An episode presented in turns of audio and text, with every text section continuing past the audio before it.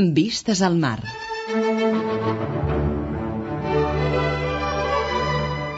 Vistes al mar. Una mirada als nostres músics.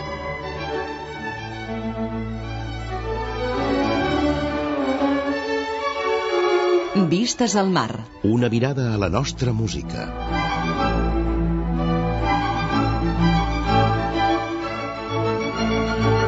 Vistes al mar. La música i els músics que han fet història al nostre país. Vistes al mar. Un programa realitzat i presentat per Xavier Xavarria. Bona nit i benvinguts a una nova edició de Vistes al Mar, el programa que Catalunya Música dedica a la música catalana, a la música i als músics que han fet història al nostre país, però també als protagonistes de la vida musical d'avui dia, els que la dinamitzen i treballen dia rere dia des d'àmbits molt diversos. Per començar, rebeu una cordial salutació dels que fem el programa d'avui, Daniel Guinot a les vies de so i qui us parla, Xavier Xavarria. A Catalunya, al món coral, l'activitat associativa a l'entorn del cant coral és fortíssim, sòlid i té una tradició molt arrelada. Però val la pena tenir sempre presents els orígens d'aquesta tradició, saber quan va néixer, com es va generar, quins eren els cantaires de les primeres agrupacions corals de Catalunya i per què cantaven. I avui volem descobrir tots aquests orígens i volem mostrar-vos els detalls d'una època agitada, efervescent, plena de canvis socials, la societat que va generar el moviment coral a Catalunya. Avui farem un viatge 150 anys enrere per descobrir la primera societat coral de l'estat espanyol, la societat coral Leuterpe. Un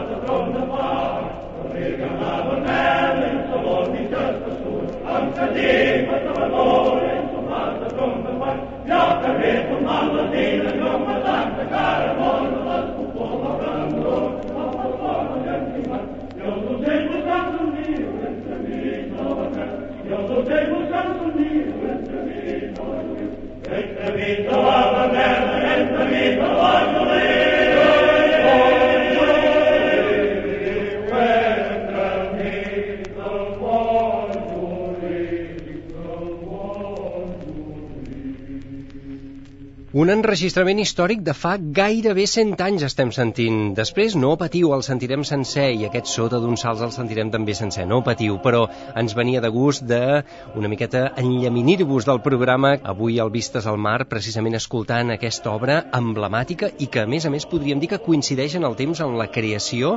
Això és de l'any 1858 i l'Euterpe és del 1857.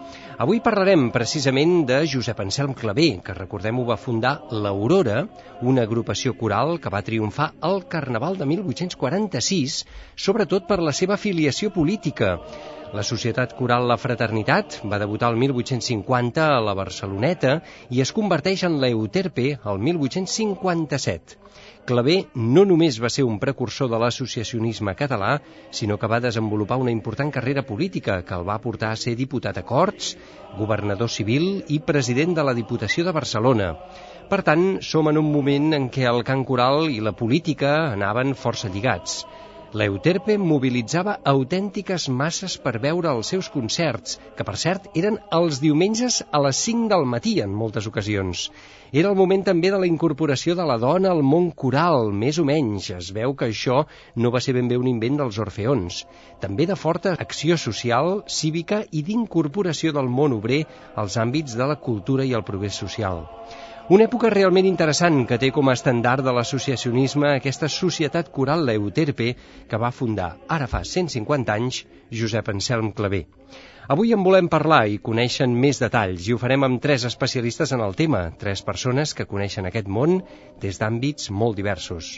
Saludem i donem la benvinguda al doctor Jaume Carbonell i Governa. Bona nit, senyor Carbonell. Molt bona nit. Jaume Carbonell és professor de la Universitat de Barcelona, autor de la tesi doctoral sobre Josep Anselm Clavé i autor també del llibre que commemora el 150è aniversari de la Euterpe. Gràcies per ser amb nosaltres i benvingut i per tota aquesta feina també moltes felicitats. Moltes gràcies.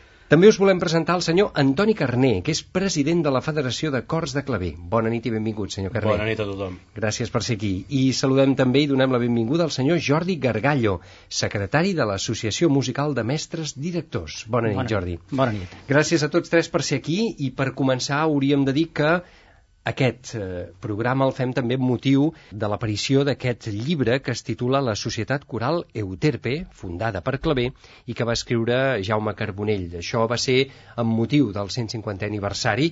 Com va sortir la idea de fer aquest llibre? Que, per cert, en acabat en parlarem, però és molt interessant, també no només pels continguts, sinó també per les imatges que, que incorpora.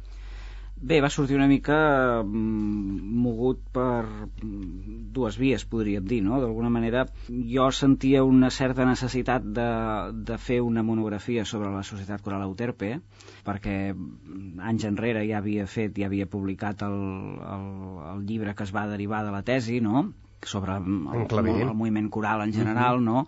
I, i tenia ganes de fer alguna cosa més específica sobre la Societat Coral Euterpe.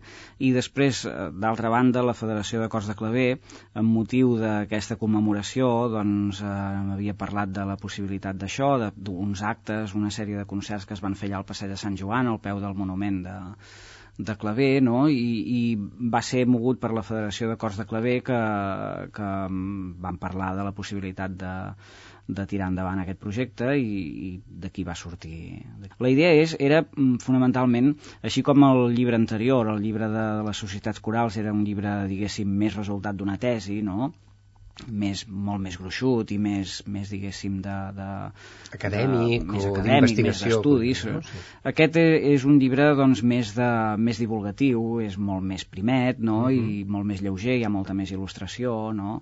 També es volia un producte, diguéssim, de, de, de molt més abast, no? Mhm. d'aquesta mena. No? Interessant i, evidentment, doncs, amb, amb un contingut absolutament rigorós, però aquestes 80 pàgines realment incorporen moltíssimes imatges que són fascinants, realment, eh? perquè hi ha fotografies de l'època, però també hi ha cartells que ens, ens expliquen, gairebé ens mostren l'evolució estètica i estilística de, de l'època, perquè els primers cartells són purament romàntics, podríem dir, oi?, amb aquella figuració tan directa, Sí, sí, i en acabat comencem a veure, en el cinquantenari, comencem a veure cartells modernistes, Sí, sí, sí, realment interessant, eh? sí, sí, molt ben il·lustrat, és un llibre Cròniques de la Memòria, és la col·lecció i és un llibre de rúbrica editorial. Recordem la Societat Coral Euterpe, fundada per Clavé, de Jaume Carbonell, que avui tenim entre nosaltres al Vistes al Mar.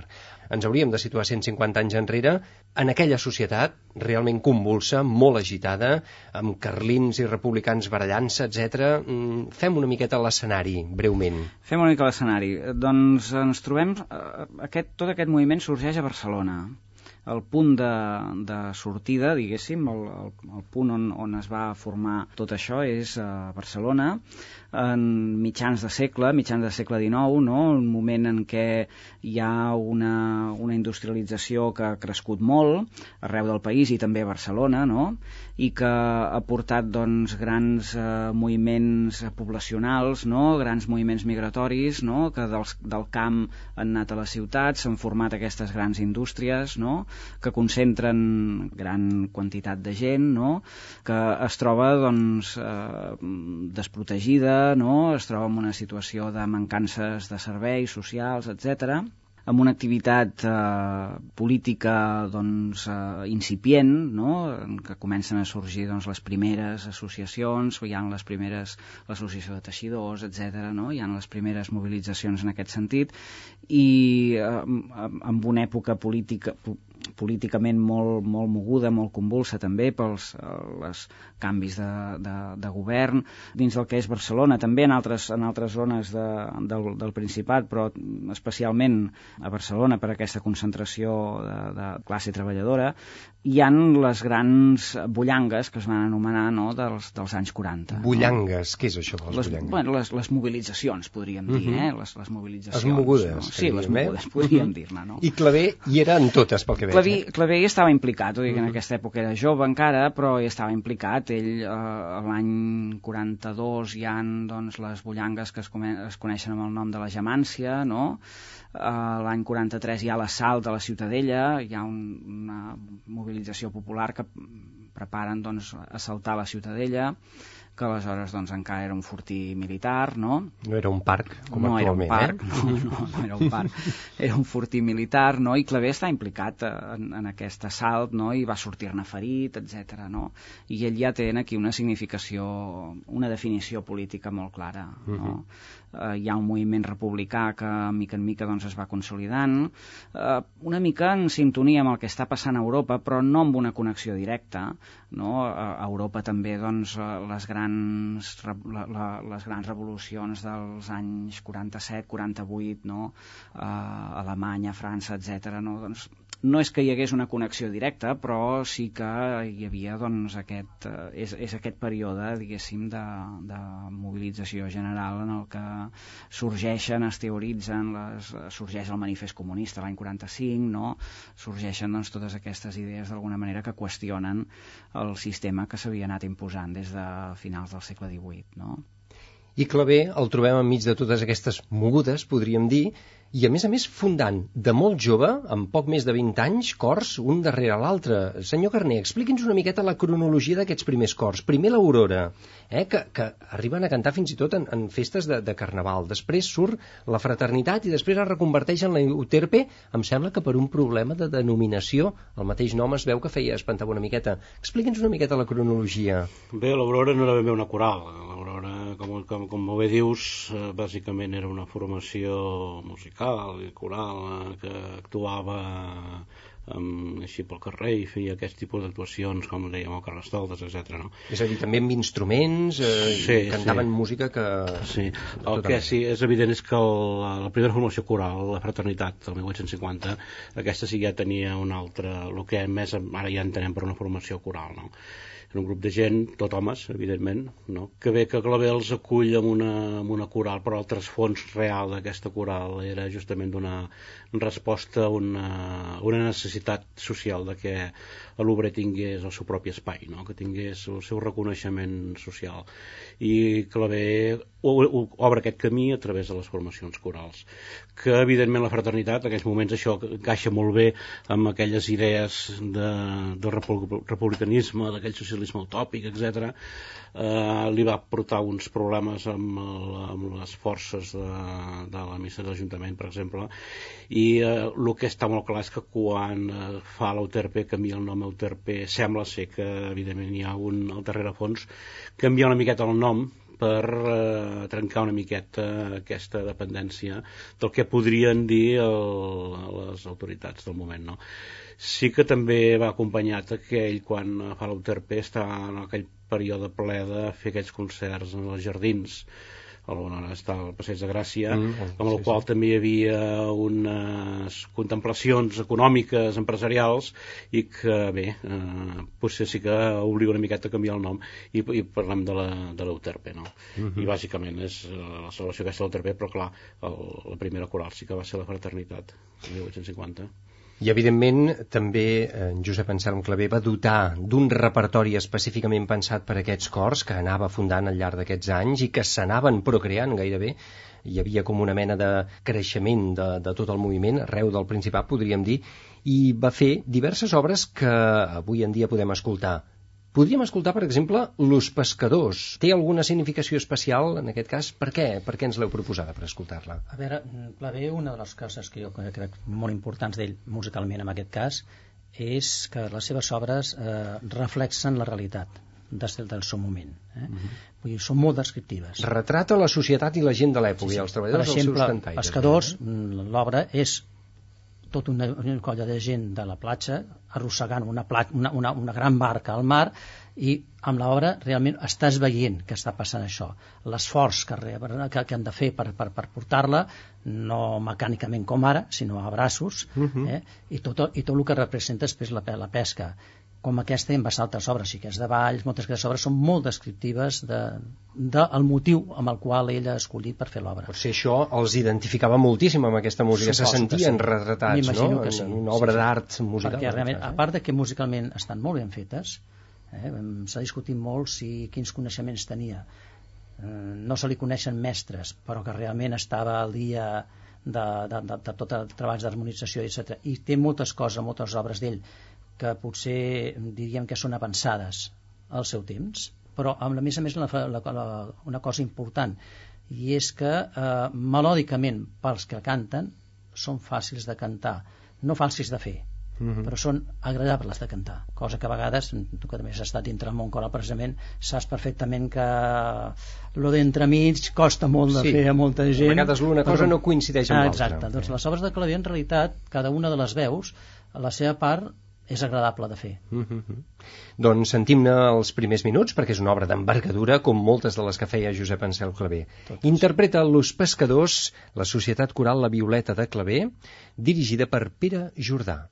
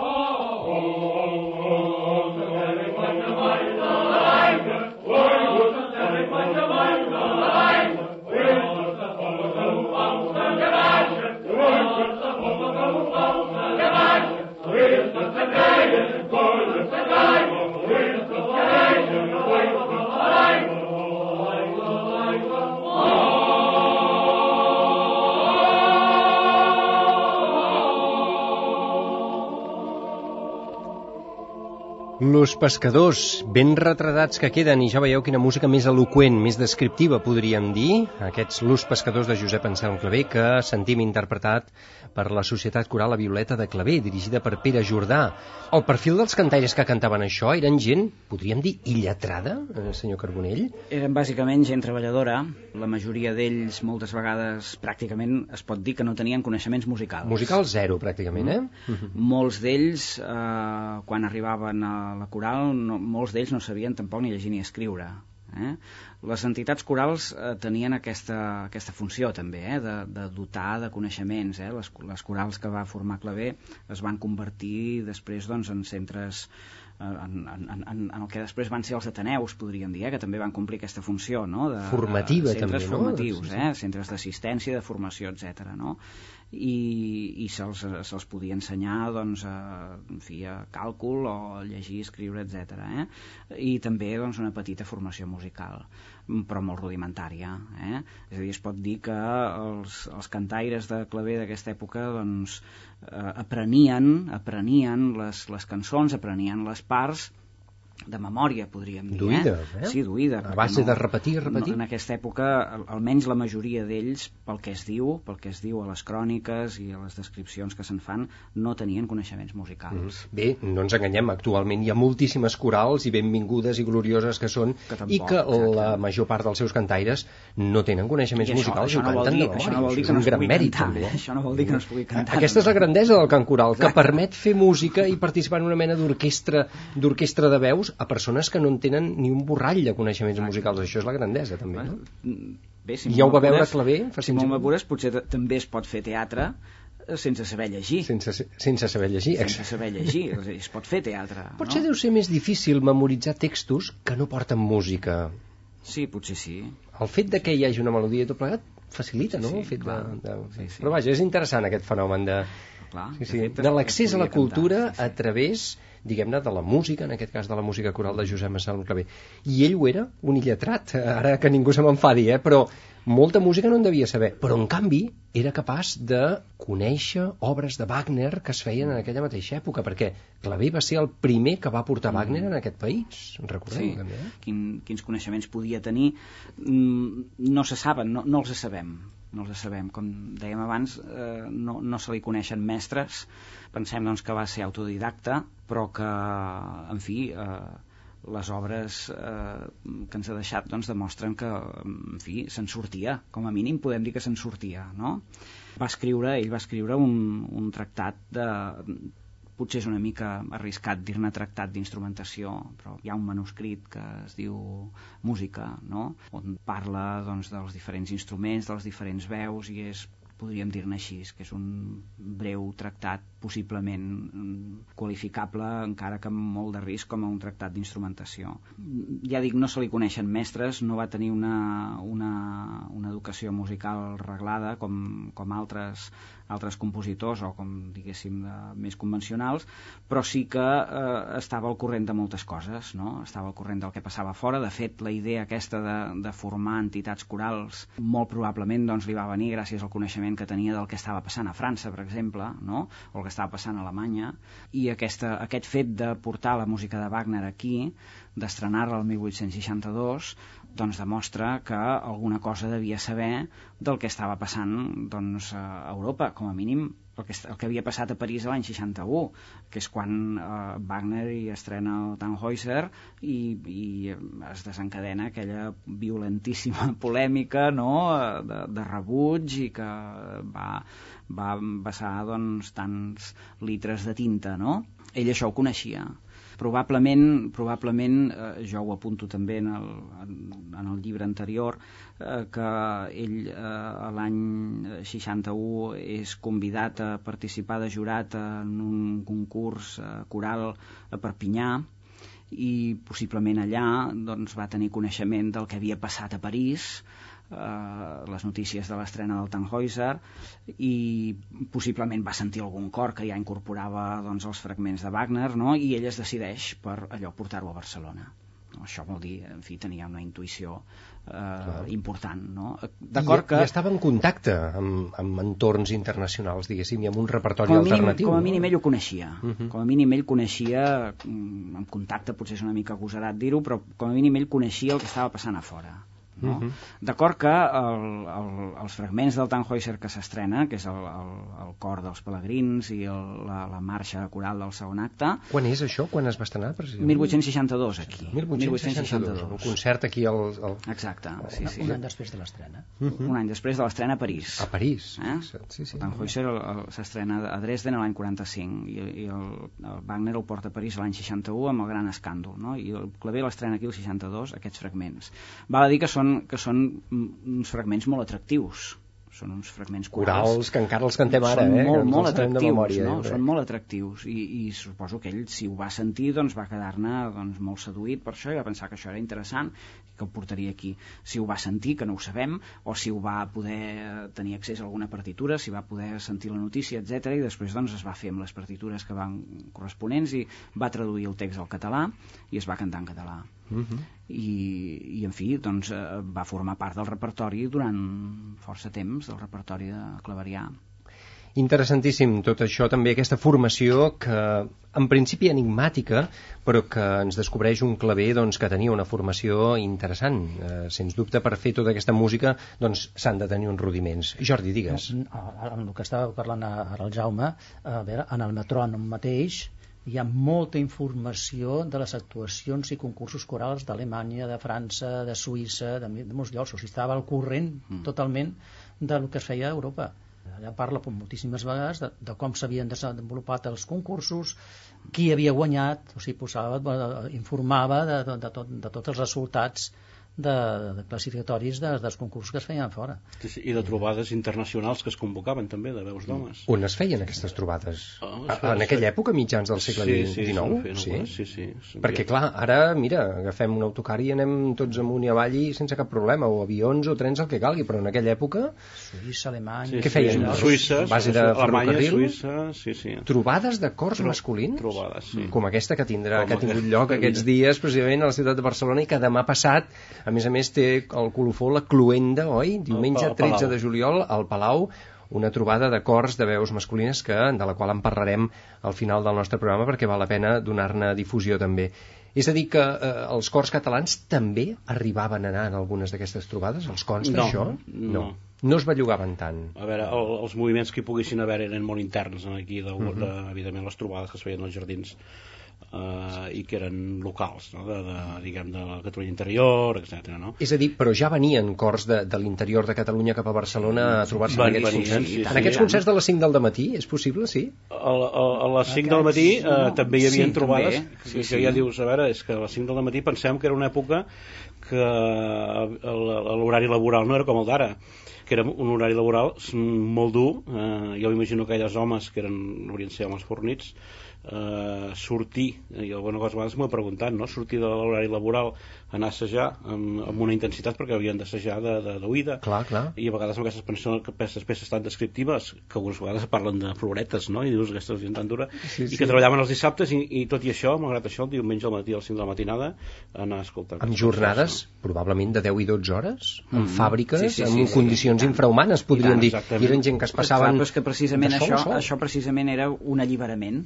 anar a cantar. Anar a cantar, ah, sí, sí, clar, sí. Era, un, era un motiu d'esplai i, de, i a més a més amb aquestes cançons que parlaven de floretes, com sí, sí, sí, això era, era eh, esclar, és que justament, justament és per això, o sigui, o sigui eh, és, estem en un context industrial, industrialitzat i, i amb, amb unes jornades eh, laborals molt extenses, amb unes condicions de treball terribles i, i amb una eh, pobresa eh, material, humana i tot el que vulguis, no? Aleshores, esclar, totes aquestes peces de claver que ens estan parlant parlant d'un món idíl·lic, això és un alliberament mental no? I si aquestes peces que parlen d'un món idíl·lic que ja hem perdut, perquè estan parlant doncs, del món rural que s'està esmiculant, no? que hem deixat enrere per anar a treballar a les fàbriques, no? eh, parlem de, de, de tot aquest món que, que, que es va acabant, no? eh, i això ho fem en un context que reprodueix doncs, un ambient idíl·lic també, no? com els jardins aquests del Passeig de Gràcia que estaven doncs, on podies veure la, la, la natura desfermada per dir-ho així, no? I, I amb una hora, ciutat, sí, sí, amb, sí. amb una hora així màgica com a la, a la matinada, no? Que, Encara no havia sortit ni el sol, probablement, no? Aprofitava, era, era, era aprofitava la sortida del sol. Aprofitava justament la sortida Però, a veure, no ho entenc, si se'n van a dormir tan tard aquesta gent treballant i passen tantes hores, com, per què a les 5 del matí? És que... No, a veure, eh, se'n van a dormir tard. Aviam, per Sí, no són fet, les condicions d'avui. De fet, de fet esclar, eh, si, si no tenies o, o no tenies tanta oferta d'oci nocturn com avui dia, doncs aixecar-se aixecar per anar a un concert a les 5 doncs potser no era tan dramàtic. Parlem clar, no hi havia tele. No hi havia tele, I probablement la gent... I, i has d'obrir llevar cada dia a les 5, eh? Exacte, però, exacte, però el diumenge també se va. Per ells no devia ser... És que a més eren ball, ballables. Eren, exacte, no, eren concerts corejats. Era, exacte, eh? eren concerts ballables corejats, o sigui que la gent que anava, anava a escoltar-los i a més a més a ballar. I a més a més a ballar. A les 5 del matí. A les 5 del matí. I, i gent que venia d'arreu de Catalunya ens comentava o, eh, que, que a més a més estaven allotjats en les cases dels cantaires també, no? I que hi havia aquest intercanvi ja social. costa d'imaginar amb un tipus de, de diguem-ne doncs, de, de, de persones doncs, que tenen aquesta extracció social i tot això que hi hagi aquest, mm. aquest intercanvi i aquesta connexió no? és, és curiós, ara, ara és molt habitual no? Vull dir, fer aquests sí. intercanvis i tu vens aquí, jo vaig allà i tu... però en, en aquella és un fenomen social molt interessant sí, sí, sí. i molt important eh? però és que hem de pensar que aquella gent era un, inclús un orgull familiar no? de cara a la família participar en aquests cors? Participar formar part de, formar part d'aquests cors sí, sí era, una, era, un, era un acte de, de, de formació que es transmetia als fills eh, d'alguna manera ser un exemple no, per a la família uh -huh. que aquella persona pogués fer allò, ser protagonista d'aquells actes Uh -huh. eh, socialment era molt important inclús algunes companyies de transports feien descomptes als cantaires uh -huh. per arribar sí. a participar posaven trens especials sí, trens especials sí. perquè poguessin anar a les trobades per aquestes sí, i tot sí. però aquest, aquest fenomen dels trens especials es dona fins inclús eh, passar la Guerra Civil també hi havia fenòmens d'aquests eh, de trens especials per formacions d'aquest tipus sí, sí. és una cosa que va arrelar moltíssim no? era un orgull personal poder participar a part que era una formació, una formació cultural eh, molt sòlida, molt forta i d'ajut a la família no? pensem aquell, eh, aquella família que se li posa malalt al pare de família i que la coral en aquell moment determinat de malaltia li pugui pugui assegurar la continuïtat familiar um, sí, feien tasques d'assistència també sí, sí, això és importantíssim sí, sí, sí.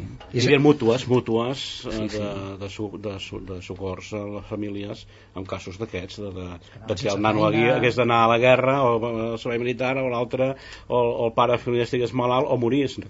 I llavors hi havia aquestes, aquestes caixes de socors mutus no? Mm. Clar, és, és molt extens el servei que dona Clavé amb aquestes formacions corals. No és estrany que llavors això s'irradiï moltíssim a la Catalunya interior, als pobles i que evidentment quan participen tots ells se senten, eh, se senten units amb un mateixa finalitat tots plegats aquí amb unes trobades de, de, de milers de cantaires eh, evidentment que això eh, per ells havia de ser un, una explosió d'alegria no? I ara se m'acut no devia generar una certa inquietud i recança en, diguem-ne, els cacics i tota aquesta gent, oh, tot tant. aquest associacionisme, oh, eh? tants obrers junts, posats d'acord, tots a una, amb un ideal i amb unes idees clares i amb un líder que els... tot això, aquella gent, hi, hi devia haver els empresaris i els, clar, els de les fàbriques... van venir tots els problemes que va tenir Clavé i, i etc. Resonament... I, I no només Clavé, perquè això, doncs, segons quins pobles on hi havia doncs, un, un, un, un rector que era massa conservador o més conservador del conte i es posava d'acord doncs, amb l'alcalde i així i, i aquell cor doncs, uh mhm. -huh. tenia dificultats no? sí, sí, sí, i prohibicions, prohibicions i multes eh, que consten aquí sí, en, el, sí, sí. en el llibre ja. sí. exacte, realment sí, sí, sí. El, canvi, el canvi de nom va venir, va venir molt per això uh mhm. -huh. perquè a més a més eh, va arribar un moment, inicialment quan era fraternitat que l'Ajuntament li obligava a pagar l'enllumenat del que arribava fins als jardins perquè clar, en Barcelona s'acabava la plaça Catalunya uh -huh. que havia la porta d'Isabel II i a partir d'allà de Gràcia eren camps Clar, i van sí, fer els jardins sí, aquells doncs els hi va, obligaven perquè a més a més és que mm, aquella gent treballadora allò podia, eren facinerosos facinerosos allò era un perill públic allò eh? el canvi de nom ve una mica una mica, una mica també d'això perquè uh -huh. el nom de fraternitat era molt perillós. Si us sembla, escoltem un fragment de Lo somni d'una verge, una altra peça de Josep Anselm Clavé, en aquest cas interpretada per l'Opom de Flors. Alguna alegoria concreta, això de lo somni de la verge? M'imagino tots aquells obrers anant a cantar el somni de la verge, com... Ja ho sentireu. Sí? Doncs sentim-ho. Ja ho veuràs.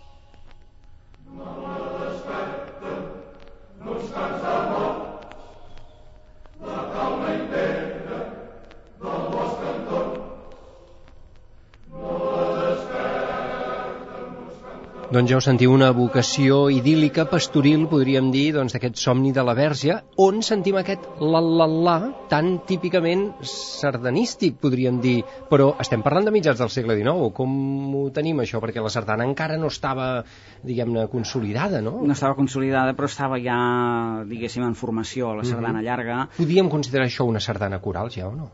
Tant com això, no. potser no. No, no, però sí que és veritat que Clavé eh, estava en contacte i era amic personal, a més a més, de Pep Ventura, i que també estava al corrent del que estava fent Pep Ventura en les seves... Eh, Pep Ventura estava també implicat en el món coral a Figueres, i, i la Societat Coral Erato de Figueres havia cantat coses de Pep Ventura i en fi, eren, eren amics com deia, no? I, i és possible que Clavé doncs, hagués introduït això doncs, com a referència o com a uh mhm. -huh. una citació o digueu-li com vulgueu no? de, de, de, d'aquest aire també, no? de, de la mhm. sardana, uh -huh. no? I hi ha aquella, la, la pom de flors, dèiem Pom abans, flors, no? també té un tros, sí. que també té un tros que és clarament de referència sardanística, no? És que la partitura ja indica sardana, sí. el punt ja indica sardana.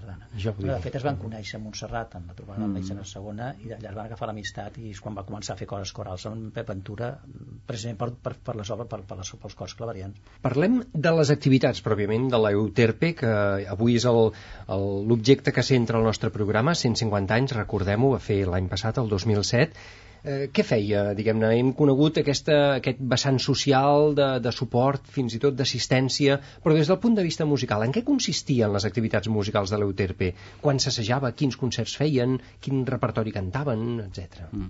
Doncs assajaven eh, no et sabria de dir quina freqüència durant la setmana, oi? però mm, era, era més d'un dia a la setmana i més de dos i més de tres. Eh, eh, assajaven sovint, vaja, molt eh? sovint, molt sovint. Més cara. Sí, sí. Més cara, sí, sí, assajaven molt sovint. I feien concerts setmanals, eh, centrats als caps de setmana i els dies de festa, no? sobretot durant el període de primavera-estiu, es feien els concerts aquests a l'aire lliure, en els jardins, no? els passeig, el passeig de Gràcia, hi ha els jardins d'Euterpe o eh, els camps elisis, etc. No? I feien aquestes dues modalitats de o bé concert o bé ball i concert.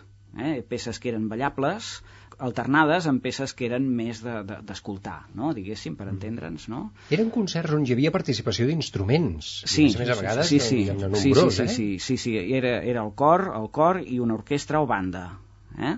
Um, de claver el que s'escolta més o el que es grava més o el que s'interpreta més són mm, peces a veu soles perquè, és clar eh, s'entén no, que econòmicament eh, buscar una orquestra, una banda que, que faci la part o que t'acompanyi, doncs eh, tot això incrementa els costos, no?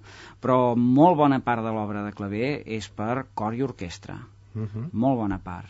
Aleshores, era, els, els concerts que organitzaven era això, hi havia una banda o una orquestra o de vegades les dues coses, no? orquestra i banda, i el cor. Mm? I, i ja dic, feien peces ballables i peces que, que eren per, de, de concert per escoltar, no? Perquè les, el claver, moltes d'aquestes peces que escoltem avui dia, eh, avui les escoltem, però en la seva època les ballaven. Es ballaven es i tot, ballaven, eh? sí, Uh -huh. sí, sí, perquè era, eren balsos, eren polques, eren xotis, eren, en fi, i- redobes, etc. no? rigodons, xotis. totes aquestes formes eh, típiques del ball del segle XIX, no? Per tant, feien sovint concerts, actuacions musicals. Sí, sí, sí, això ho feien cada intueixo, setmana. Intueixo que devien ser concerts i balls, diguem-ne, d'entrada de pagament o de cobrament, perquè si no, d'on treien Sí, tants sí, calés sí, per sí, portar sí, tants sí. músics? Socis, Tenien socis, sí, però, sí, a veure, estem per- parlant d'una extracció per social molt baixa, gent que potser per tenia ball. problemes econòmics. Eh, Qui, qui pagava això? D'on treia els calés en claver? Era simplement dels socis, dels propis? De les entrades i de les quotes que pagaven els socis. I en aquests concerts hi accedia tota mena de gent? És a dir, realment va ser un fenomen generalitzat a I això va, Barcelona? això va ser una de les grans aportacions que, que feia Clavé, perquè eh, a- abans de Clavé, o, o paral·lelament a Clavé, però abans de l'aparició de Clavé, el ball, l'activitat del ball a Barcelona, estava eh, totalment segregat.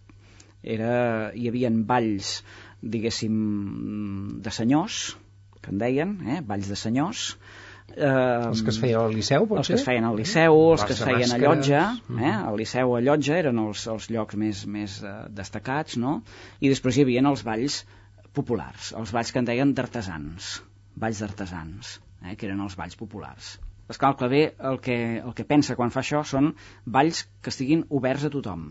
no que estiguin segregats per la condició social sinó que un, un ball en què hi pugui entrar un senyor eh, i un treballador eh, i, oberts eh? Ball, ell en deia balls fraternals fraternals balls fraternals això eren els balls fraternals. Fins a l'aparició d'això, els balls eren dividits. Sí, sí, no? cadascú amb la seva casta, eh, podríem dir, i això ja va funcionar en aquella època?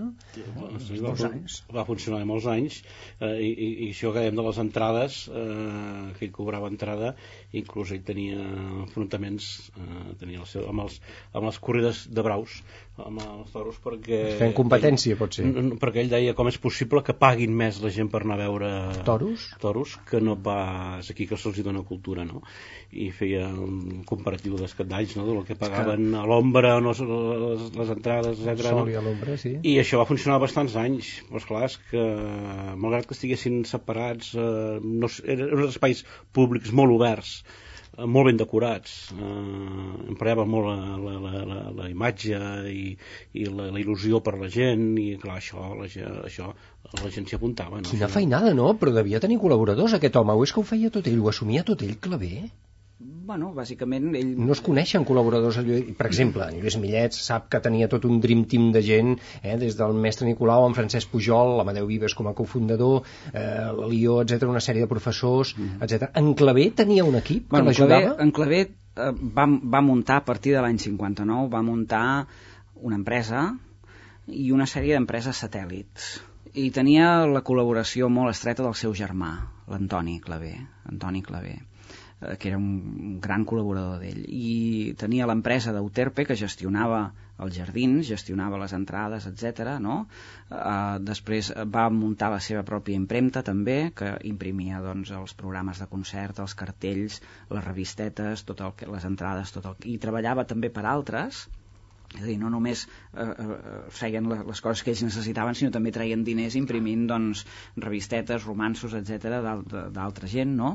I, en fi, amb això doncs, tenien, ja dic, el, el funcionament bàsic funcionava a partir d'aquí. Mm -hmm. És impressionant, eh? Realment, el personatge mm -hmm. que hi ha eh, en Josep Anselm Clavé, que a vegades... va, ser, va ser, durant un període, va ser empresari dels Camps Elisis, no només organitzant les, els concerts de Clavé, sinó també gestionant doncs, el, el teatre, el, tots els serveis que hi havia en els Camps Elisis, que hi havia teatre, hi havia un saló de ball més gran, un altre de més petit, hi havia les atraccions, la muntanya russa, etc. Castell de Focs, el Castell de Focs, l'hipòdrom, tot això estava dins, sí, tot això estava dins dels Camps Elisis i ell durant un força temps, durant això un període... era un parc temàtic clavé. Era, era, era, era, era, era un parc temàtic. Però aquesta gent anaven i, i s'ho devien passar, podien fer sí, desenes d'activitats. Alguns dibuixos que hi ha de, respecte havia, havia de ser sensacional, amb unes muntanyes russes i unes mm -hmm. i unes coses increïbles. Mm -hmm. Hi ha algunes fotografies al llibre, recordem-lo, sí, sí, sí. aquest llibre d'en de, Jaume Carbonell sobre la Societat Coral d'Euterpe, hi ha algunes fotografies que són realment extraordinàries, dibuixos, sobretot d'aquella època, que mm. també indiquen aquesta fervescència. I croquis de, de, de, de, de l'espai de, sí. del Pas Alicis, mm -hmm. era immens. Sí, sí. La maquinista, aquesta no ens la podem estalviar, eh? Sí, és una obra emblemàtica en la, forma, mm en la, en la producció de claver, no? Eh, què té d'especial aquesta peça? A veure, que encara es canta amb aquesta... Home, potser, d'alguna manera, no sé si realment ve d'aquí, però ell va, va començar treballant de, de, de mecànic torner. Mm -hmm. que passa que la deficiència física que va tenir, doncs li va... Què era? Bueno, de fet, d'un ull no hi veia, llavors la posició que tenia que està treballant-hi doncs eh, li va de fer una deformació a l'esquena? Eh, sí, sí, aleshores d'alguna manera va haver de deixar la feina aquella uh -huh. perquè no, no podia i potser jo penso que des d'allà havia de treure molt, molt de fonament de lo que, lo que era uh -huh almenys dona la sensació, perquè és realment tot un, empresa, un treball, la, la maquinista és l'empresa l'empresa siderúrgica que hi havia i tota la, tota l'obra és amb incluses, amb forjant el ferro, vull dir... Sorolls, hi ha, hi ha a més a més, eh? traient moltes idees mateixes del Siegfried de Wagner. La maquinista és de l'any 67, 1867, que és una època en què des de l'any 64 s'ha desencadenat una crisi econòmica molt forta al país i mm, hi ha un índex d'atur molt elevat és una època molt crítica en aquest sentit no? i Clavé es planteja fer un himne al treball que enalteixi la condició del treballador que li doni, doncs, en fi, no? que dignifiqui, Dignitat, dignifiqui la condició del treballador que en aquell moment està passant per un moment molt difícil, perquè ja dic, la crisi econòmica és molt potent, hi ha molt atur, etc etc. no? I fa això, un himne al treball és, un, és una peça sí. que és una polca, a més a més, eh? es ballava, eh? És una polca, i que introdueix amb aquesta idea d'incorporar, de fer descripcions, no? introdueix sons propis de la indústria metal·lúrgica. No? Uh -huh. Ell fa un homenatge, diguéssim, a aquesta empresa no? de, de, de la maquinista, aboca doncs, això, no? i introdueix el so de, de l'enclusa, de les campanes, dels martells, en un moment en què, eh, allò que dèiem abans de Wagner, no?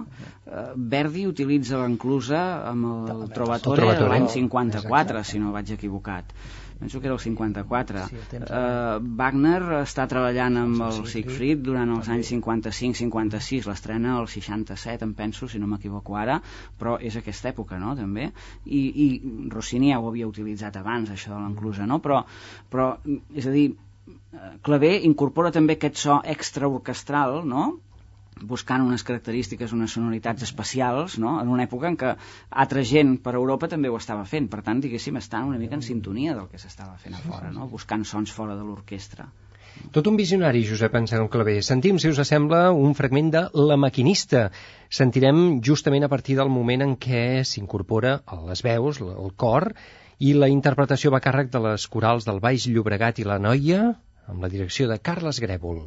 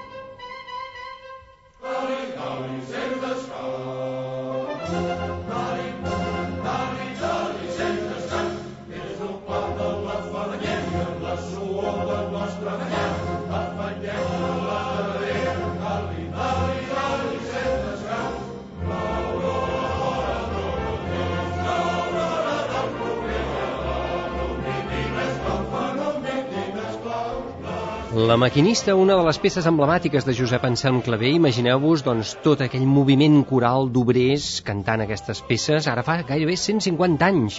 No tants perquè aquesta ja és dels anys 60, però són peces molt importants en aquell repertori i que ja ho veieu, encara avui en dia es canten.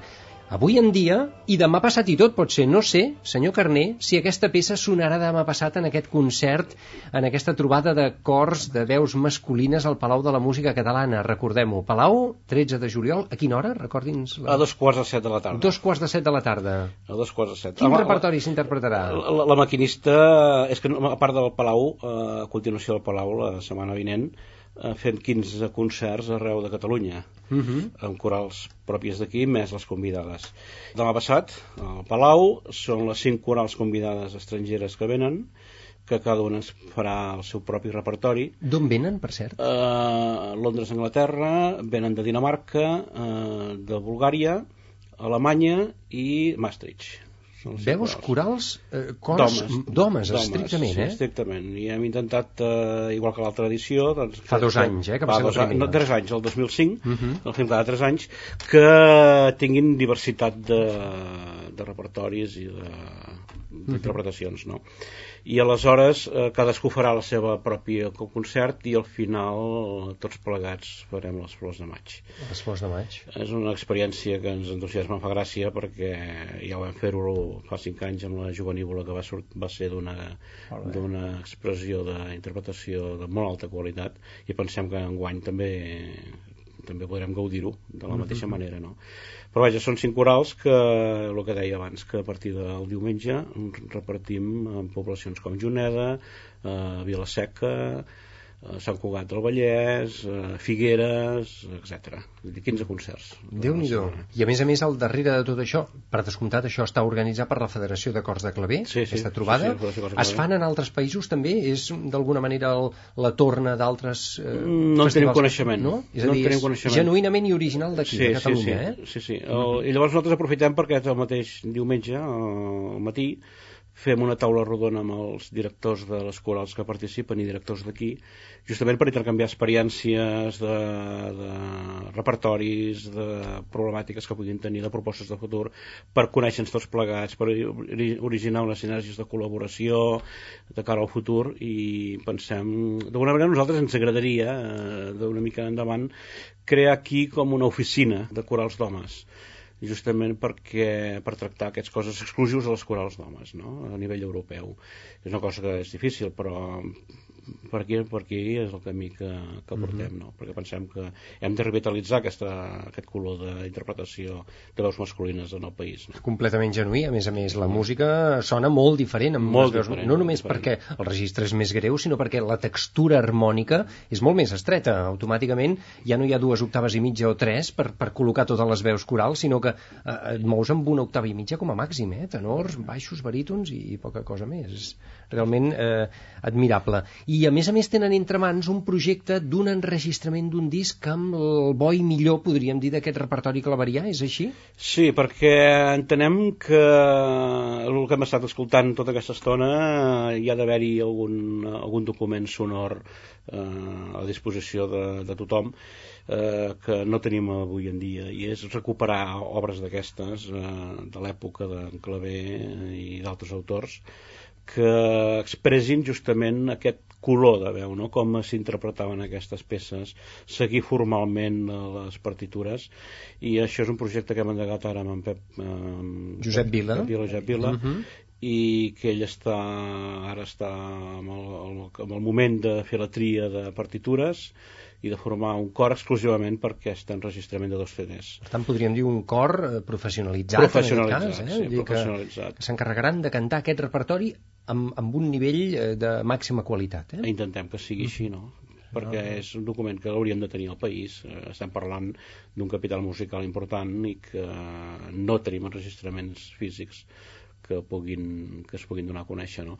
A part que nosaltres, per exemple, amb aquestes formacions de, que venen, ja ho vam fer el 2005 i ara el 2008, que venen de fora, els hi donem uns cançoners de peces d'homes d'aquí i algun enregistrament també del que tenim fet. No?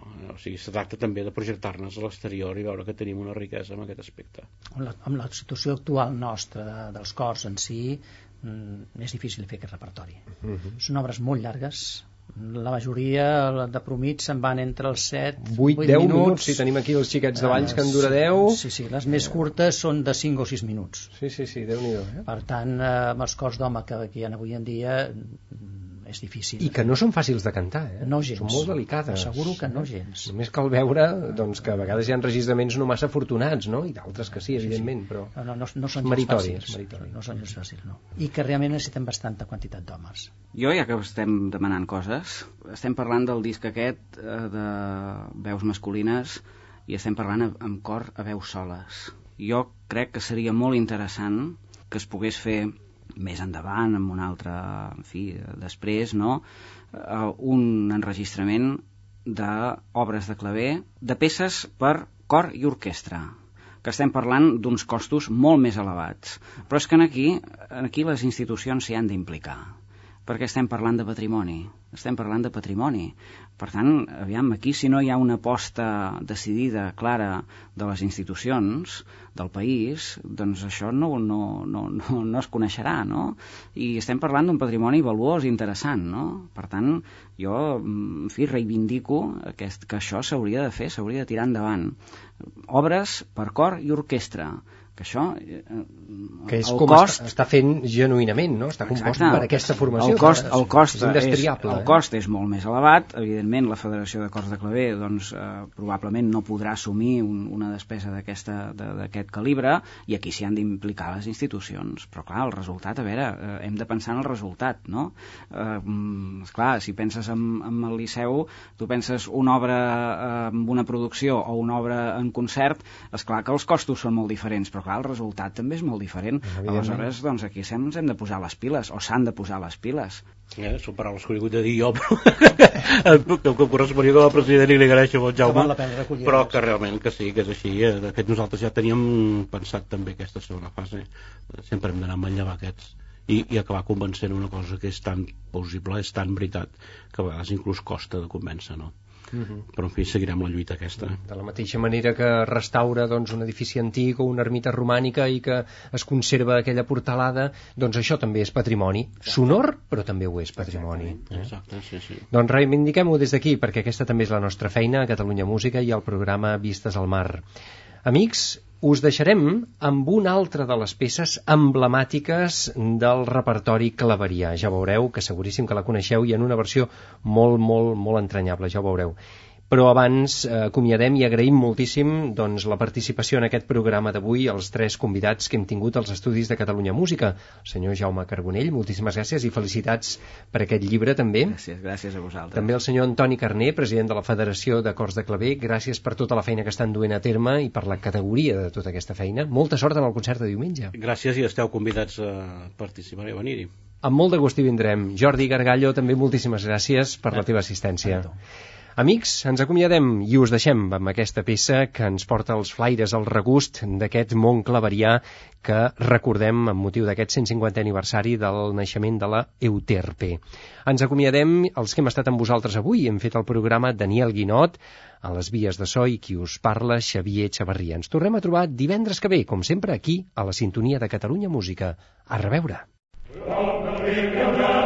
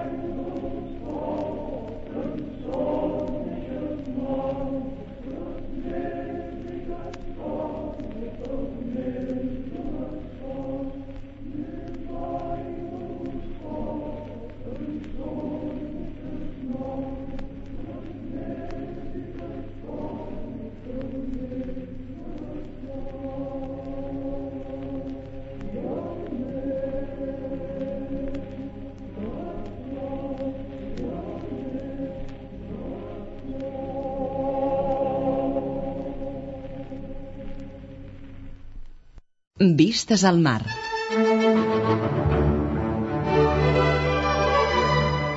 Vistes al mar. Una mirada als nostres músics.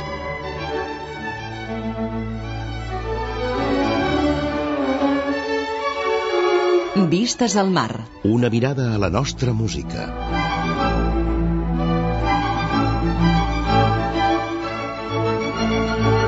Vistes al mar. La música i els músics que han fet història al nostre país. Vistes al mar. Un programa realitzat i presentat per Xavier Xavarria.